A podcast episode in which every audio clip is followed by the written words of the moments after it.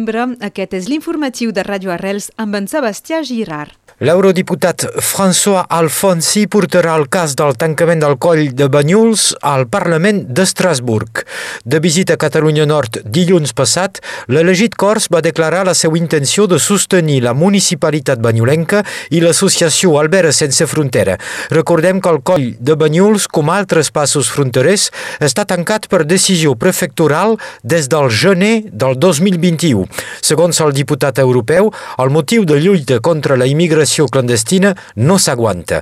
François Alfonsi s'ha compromès a afegir el tema del coll de Banyuls a l'ordre del dia de la propera sessió del Parlament Europeu d'aquí a 15 dies.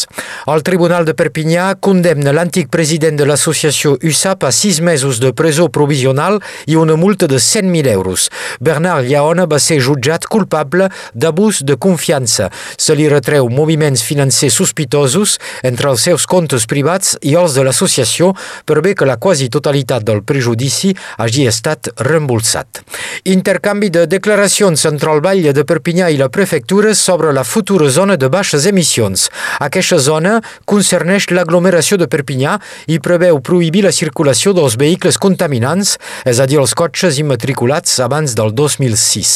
En una conferència de premsa dilluns, Louis Alliot, acompanyat dels quatre diputats d'extrema dreta, va declarar que es tractava d'una normativa boja, liberticida i inconcebible. Hores més tard, a través d'un comunicat, el prefecte Rodrigue Fursi va contestar al Vall de Perpinyà que la posada en plaça de les zones de baixes emissions és d'interès de salut pública i que l'Estat acompanyarà les persones concernides amb primes fins a 7.000 euros per facilitar aquesta transició.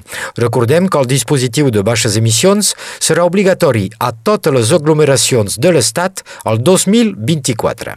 Una gran concertació sobre l'aigua a l'escala de la regió. La presidenta Carol Delga ha engegat aquesta setmana una consulta popular per tal de definir el full de ruta per la gestió durable de l'aigua. La concertació, que és oberta a tothom, es construeix sobre diversos temes, com ara rebaixar el consum, privilegiar tècniques noves, redibuixar la xarxa hidràulica i repensar les infraestructures. La regió Occitanie organitzarà tallers i trobades a partir del primer trimestre de l'any que ve. A Catalunya Sud, els Mossos han desmantellat una xarxa d'advocats i de notaris que van estafar centenars de gent gran. L'estafa, molt ben organitzada, va durar sis anys, entre el 2009 i el 2015, i consistia en enganyar els ancians amb productes financers i hipoteques inverses i amb l'afany d'apropiar-se de les seues cases.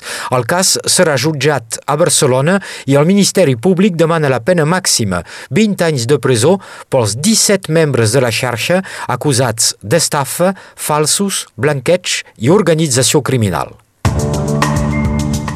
En esports, dues cares noves aquesta setmana a l'USAP. El tres quart Alistair Crossdale i el tercera línia Brad Shields ja s'entrenen amb l'equip català i podrien ser presents pel proper partit de l'USAP d'aquí a 15 dies amb la recepció de Bordeus a Aime Giral. A 13, els dracs catalans també han reprès els entrenaments aquest dimarts, una represa en grup petit, ja que els internacionals que van participar a la Copa del Món tenen a més vacances. Recordem que la Superliga reprendrà el proper 17 de febrer. Moltes gràcies, Sebastià.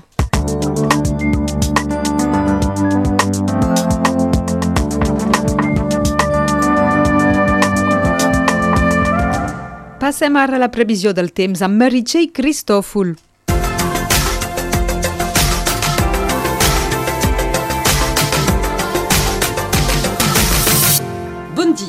Avui el cel s'abasteix de gris. Les temperatures són una miqueta a la baixa si comparem amb la diada passada, sobretot del costat de la Cerdanya i del Capcí, tot i que és a la muntanya on el sol hauria de ser el més present aquesta tarda amb un indici UV de nivell 3, continuem amb temperatures dolces per a un mes de novembre.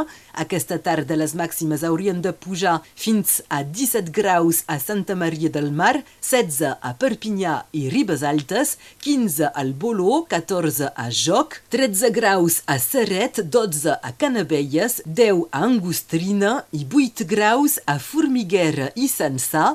Aquesta tarda el sol se pondrà a les 5 hores i 24 minuts. Avui celebrem Santa Gertrudis i Santa Margarida i acabem amb el refrany del dia. Si el novembre trona, la collita serà bona.